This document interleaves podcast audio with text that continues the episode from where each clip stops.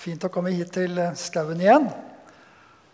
Så håper jeg ikke stemmen blir for grøtete underveis. Det høres bra ut nå, eh, men det er litt opp og ned. På der jeg bor, på Geilo, så hadde vi en prest for mange år siden som het Karsten Isaksen. Dere har kanskje hørt om han? Han sa en gang at nå har jeg spist så mye antibiotika i det siste at hver gang jeg nyser, så helbreder jeg en på første benk. Nå har ikke jeg spist antibiotika, så hvis jeg nyser, så kan det kanskje virke motsatt vei. Men jeg håper det skal gå bra. Eh, teksten i dag den står skrevet i Matteusevangeliet, kapittel 5, versene 20-26. Og vi leser i Jesu navn. Ja, jeg sier dere, dersom ikke deres rettferdighet langt overgår de skriftlærdes og fariseernes, kommer dere aldri inn i himmelriket. Dere har hørt det sagt til forfedrene, du skal ikke slå i hjel. Den som slår i hjel, skal være skyldig for domstolen. Men jeg sier dere, den som blir sint på sin bror, skal være skyldig for domstolen. Og den som sier til sin bror, din idiot, skal være skyldig for det høye råd. Og den som sier, din ugudelige narr, skal være skyldig til helvetes ild. Om du bærer offergaven din fram til alteret, og der kommer til å tenke på at din bror har noe imot deg, så la gaven ligge foran alteret. Gå først og bli forlikt med din bror. Så kan du komme og bære fram offergaven din. Skynd deg å komme overens med motparten din mens du ennå er sammen med ham på veien. Ellers vil motparten din overgi deg til dommeren, og dommeren til vakten, og du blir kastet i fengsel. Sannelig, jeg sier deg, du slipper ikke ut derfra før du har betalt til siste øre. Slik lyder Herrens ord. Herre, må du åpne våre hjerter, så vi kan høre hva du vil si oss gjennom denne teksten. Amen. Det er klar og sterk tale vi hører fra Jesus i dag. Og dette er altså henta fra Bergprekenen, det som regnes for å være verdenshistoriens mest berømte tale. Og Det har vært skrevet utallige bøker om den talen. Og det er framsatt teorier i både den ene og annen retning om hvordan den skal forstås. Og Den debatten har jeg ganske enkelt ikke tenkt å berøre i dag. For sånt syns jeg kan være nokså kjedelig noen ganger. Det vi som vanlige kristne trenger å vite, det er at dette er Guds ord til oss, og at vi derfor trenger å ta det på alvor. Så er det alltid noe som ikke er så lett å forstå. Men det vi ikke forstår, det er som regel ikke det viktigste. Det er som eh, forfatteren Mark Twain sa en gang. Det er ikke det jeg ikke forstår i Bibelen, som volder meg mest bry. Det er det jeg forstår. Du skal elske din neste som deg selv, f.eks. Det er godt sagt. Vi har nok mer enn nok med det vi forstår. Og det er det vi skal snakke om i dag. Og Vi skal begynne i vers 20, der Jesus sier Dersom ikke deres rettferdighet langt overgår de skriftlærdes og fariseernes, kommer dere aldri inn i himmelriket. Og det der, det var nok sjokkerende å høre for de som hørte på Jesus den gangen. Og det kan være sjokkerende for oss i dag også. For de skriftlærde og fariseerne, som Jesus nevner her, det var jo den tids teologer. Hvis det var noen som visste hvordan jødenes religion skulle leves, så var det jo dem. De var ekspert på jødenes bibel, det som i dag kjenner som Det gamle testamentet. De hadde satt seg grundig inn i ulike måter å tolke Skriftene på. De kjente alle varianter. Og de kjente de ulike budene og de visste hva de lærde hadde sagt om hvordan de skulle etterleves. Og likevel så tar Jesus her et kraftig oppgjør med teologien deres og alt det de ellers sto for. Og For å forstå hvorfor Jesus gjør det, så trenger vi å vite litt om hva det er han tar et oppgjør med. For vi, Hvis vi ikke forstår bakgrunnen for det, så er det vanskelig å få tak i poenget med det Jesus sier. Og Fariseerne og de skriftlærde de hadde altså lagt et enormt arbeid ned i å forstå hvordan loven skulle etterleves. Og med loven så mener vi alle de levereglene som finnes i Det gamle testamentet. De hadde over lang tid opparbeida seg en tradisjon for hvordan loven skulle forstås, og hvordan den skulle etterleves. Ut fra bibelstudiene sine så hadde de laget lange lister av forbud og påbud som man mente man skulle etterleve. Og det var altså hundrevis av dem. Og de gjorde alt som sto i deres makt for å kunne leve etter disse reglene. Det var avgjørende viktig for dem å holde dem ned til minste detalj.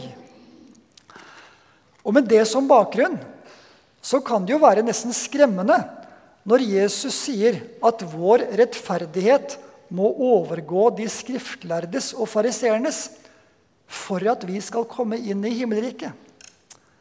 Vi må ikke bare overgå dem, vi må langt overgå dem, sier Jesus. Betyr det f.eks. at eh, hvis fariseerne klarte å etterleve 570 påbud og forbud, så må vi klare 630? Nei, heldigvis er det ikke det det betyr. Det Jesus vil si, er at fariseerne hadde kommet inn på et feilspor. Og det er det feilsporet vi skal se litt på. Blant fariseerne hadde det altså gjennom åra, gjennom mange år, opparbeida seg en sterk muntlig tradisjon for hvordan Bibelen skulle tolkes. Og denne kunnskapen ble overført fra generasjon til generasjon. Og etter hvert ble alt dette, denne tradisjonen eh, nedfelt skriftlig også. Det som ble kalt for Mishnaen. Og så brukte man altså veldig mye tid på å studere denne forklaringen til Bibelen. da. Og eh, denne Mishnaen, altså. Og disse studiene av denne forklaringen det nedfelte seg i det som de kaller etter hvert for Talmud. Og denne forklaringen på forklaringen den ble voldsomt omfangsrik. Det finnes flere utgaver, men den største utgaven består av 60 bind. Da forstår vi at det var plass til ganske så detaljerte instruksjoner om hvordan livet skulle innrettes. Det fantes drøftinger av nesten enhver situasjon det gikk an å komme opp i. Hvis vi skulle prøve å uh, tenke oss en parallell fra vår egen tid, så kunne vi jo tenke oss Martin, Martin Luthers lille katekisme. Det er en liten og håndterbar bok med forklaringer til de viktigste sidene ved vår kristne tro. Og Deretter så kom Pontoppidan med sin forklaring til Luthers katekisme. En forklaring til forklaringen, altså. Um, den, den, var litt mer omfangsrik, men ikke så veldig stor, den heller. Men hvis vi kunne tenke oss nå at noen ville lage et tolvbindsverk for å forklare Pontoppidans forklaringer, da ville vi begynt å nærme oss det nivået som fariseerne var på. Og bare for å ta noen eksempler. Et av de feltene som de skriftlærde hadde studert nitidig, det var hvordan sabbatsbudet skulle etterleves. Dette at man ikke skulle arbeide på lørdagen. Det var lagt ned et enormt arbeid for å konkretisere hva det skulle bety. Derfor fantes det, og finnes fortsatt, et uhorvelig antall regler for hva man kan gjøre, og hva man ikke kan gjøre på sabbaten. Kunne man f.eks. ha lov til å flytte en lampe inn i huset sitt på sabbaten? Var det tillatt for foreldrene å løfte på barnet sitt? Hadde man lov til å bære noe i det hele tatt?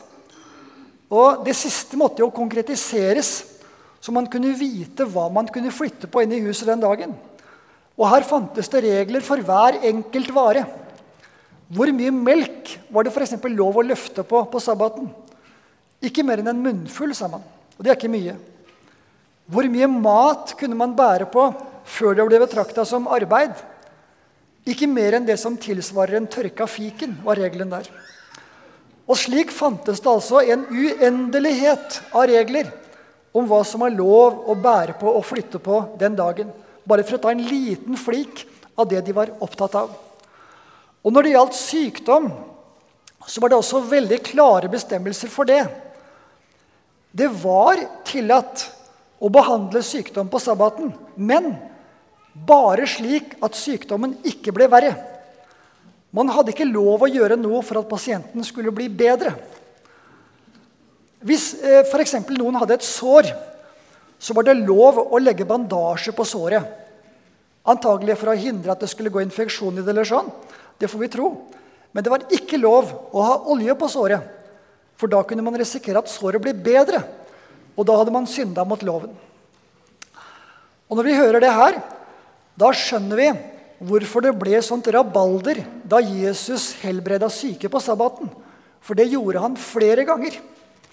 Det var jo som et slag i ansiktet på disse som hadde utarbeida alle disse reglene. Og med det så viste jo også Jesus hvor forkvakla han mente at denne lovforståelsen var. Men for fariseerne og de skriftlærde så var det altså avgjørende viktig å kunne leve etter alle disse forskriftene. Så noen forskrifter gjorde de nokså vanskelige. Men noen kunne de gjøre lettere også, når de fant ut at dette kunne bli litt vrient å etterleve. Da kunne de utforme tolkningene for å gjøre det litt lettere for seg selv. Når det gjaldt skilsmisse, f.eks., så gjorde, lagde de et regelverk som gjorde det svært så lett for en mann å kvitte seg med kona si, om det var det han ville. Uten å bryte loven, altså. Det ville vi også sett at Jesus tar et oppgjør med om vi hadde lest litt videre i denne teksten. Så kan dere tenke dere 60 bind med alle slags tolkninger av de eksemplene vi ga nå. Det var ikke rart at fariseerne og de skriftlærde nærmest måtte trekke seg ut av alt normalt samfunnsliv og bruke all tid og energi på å studere disse skriftene, for det var særdeles mye å holde orden på. Hva var det altså som ble så galt? Hva er det Jesus tar et så kraftig oppgjør med? Ja, Det ene var at disse reglene de la tunge byrder på vanlige folk. Den vanlige jøde. Og de forventa jo av folk at de skulle leve etter disse reglene. Og det var selvfølgelig ikke enkelt. Og gjennom dette her så skaffa jo fariseerne og de skriftlærde seg en slags maktposisjon i samfunnet også. Fordi de mente at de selv var de eneste som virkelig klarte å leve slik man skulle etter loven. Så var det bare det altså da, at disse lovbestemmelsene de ble etter hvert et hinder for barmhjertighet og kjærlighet. Guds lov hadde jo som sitt overordna mål å lære menneskene hva de kunne gjøre for å vise omsorg for hverandre, for å gjøre godt mot hverandre, så alle skulle få et godt liv. Og så ble det helt det motsatte. Og den dag i dag er det f.eks. slik i jødiske og ortodokse miljøer at hvis en kvinne må føde på sabbaten, så må hun greie seg selv. Hun får ikke hjelp. For det å hjelpe henne, det ville bli sett på som arbeid. Og så er det én grunn til til at Jesus tar et oppgjør med det her. Og det er at Og det er kanskje det viktigste. For de skriftlærde og fariseerne de la all vekt på de ytre handlingene. For dem var det helt underordna. Det var helt uten betydning hvilket hjertelag som lå bak handlingene. Tanker og følelser som måtte røre seg i det enkelte mennesket, det var totalt utafor deres horisont. Og for oss mennesker så er det heller ikke lett å avgjøre hvilke følelser og tanker et menneske bærer på. Vi er på en måte overlatt til å dømme etter de ytre handlingene. Men det som ligger til grunn for alt det Jesus sier her, det er at Gud Han ser bakenfor handlingene. Han kjenner tankene våre, og han vet hva som bor i hjertet. Og for Gud er det det som er det avgjørende.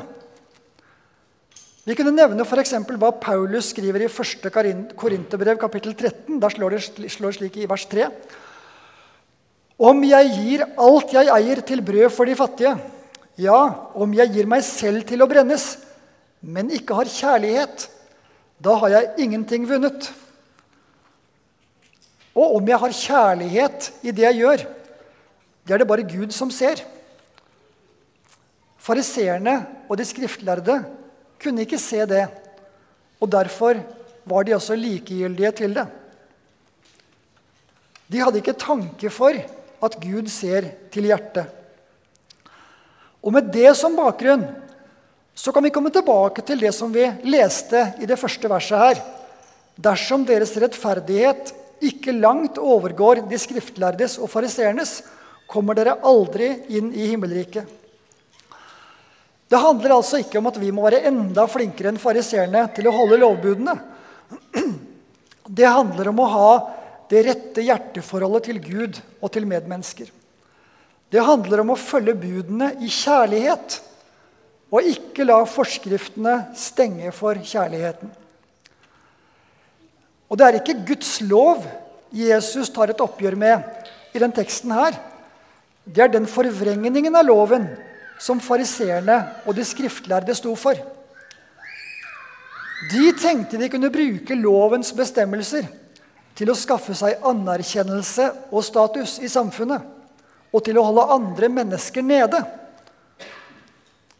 Mer forkvakla lovforståelse går det knapt an å tenke seg. Men det betyr ikke at det er noe galt med loven i seg selv. Den forteller oss hva som er riktig og godt. Hva vi skal si, og hva vi skal gjøre som er til gagn for oss selv og våre medmennesker.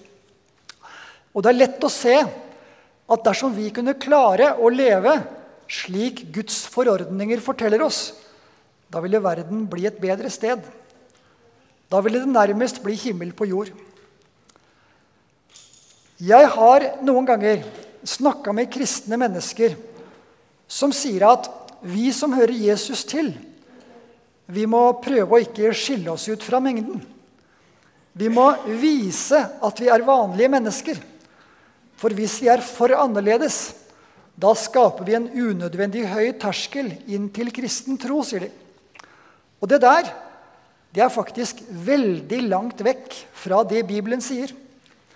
Den sier veldig mange ganger på en veldig tydelig måte at vi skal skille oss ut. Vi skal være annerledes. Vi skal ha andre standarder enn verden rundt oss. Det skal synes at vi hører Herren til. Og det er nettopp det Jesus lærer oss om i bergprekenen. Her får vi opplæring i hvordan Gud vil vi skal leve.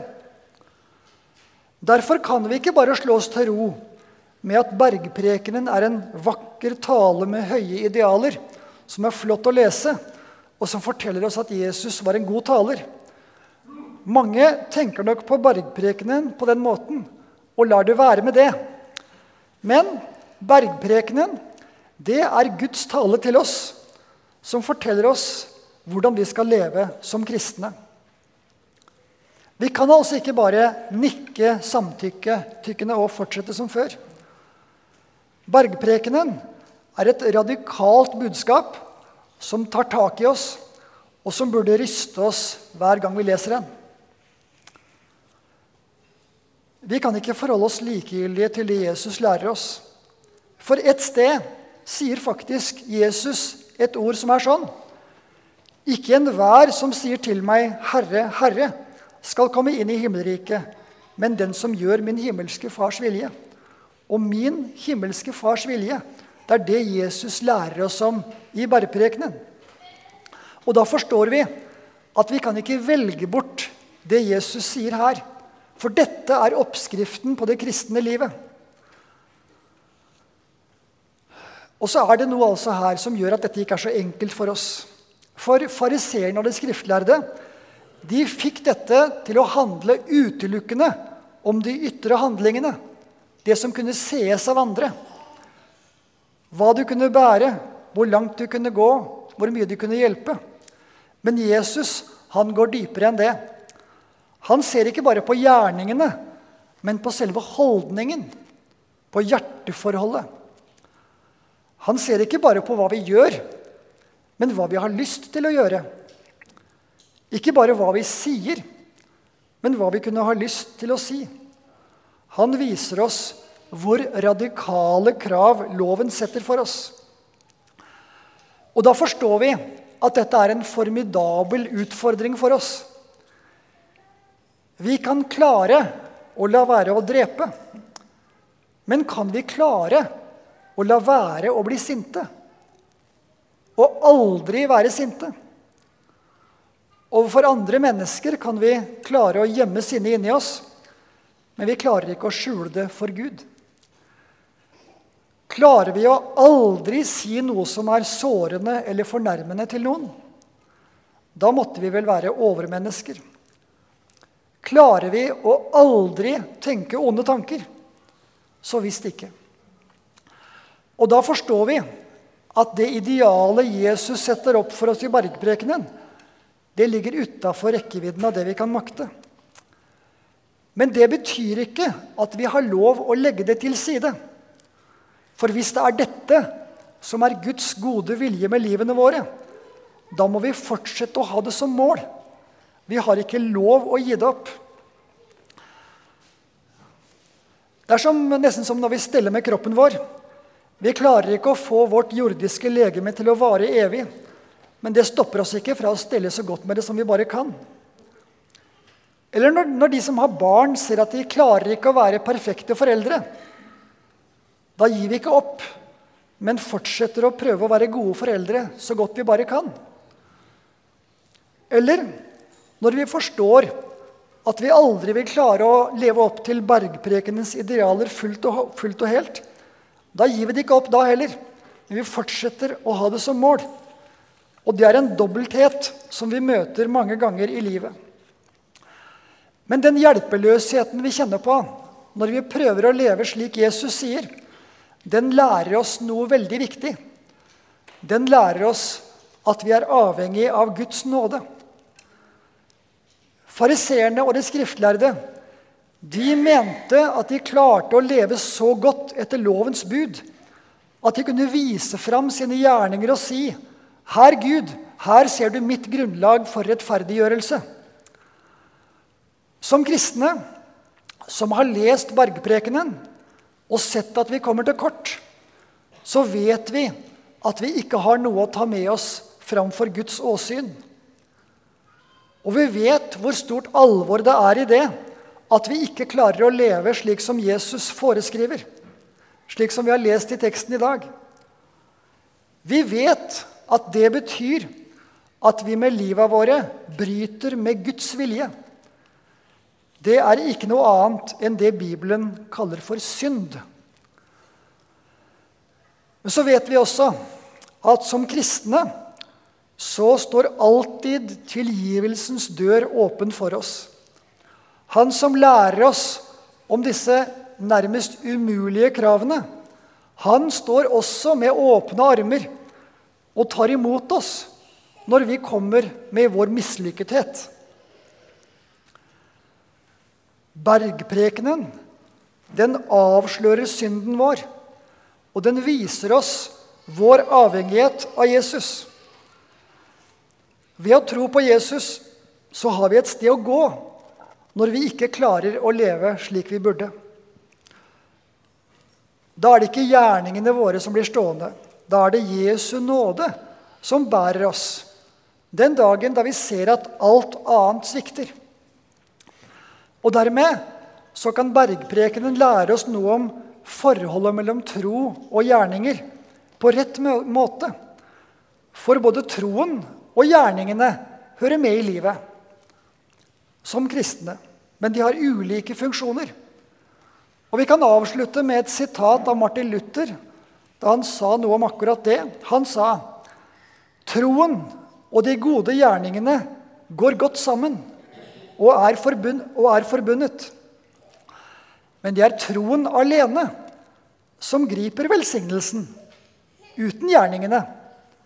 Men allikevel er den aldri alene. Amen.